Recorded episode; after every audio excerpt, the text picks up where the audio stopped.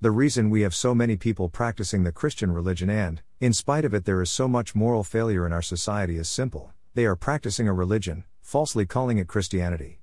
True Christianity, on the other hand, is a calling to follow Jesus Christ, not participate in rituals and observation of festivals.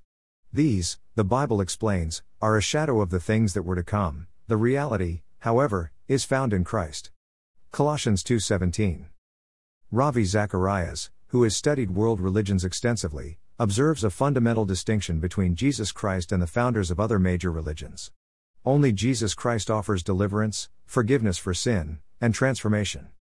Jesus Christ never claimed to be a religious leader, never got into religious politics, did not push any grand agenda. His ministry operated entirely outside the established religious framework, and frequently provoking conflict with the religious and political establishments. Another sobering reality about true Christianity Following Jesus Christ excludes other options as to ways of life or behavior.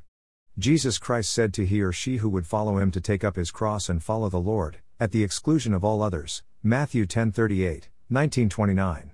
He calls us to be only his followers, to obey his commands. John 15:14, in all that we do. Colossians 3:17, to cease to be ourselves, they die and take up the life of Jesus Christ.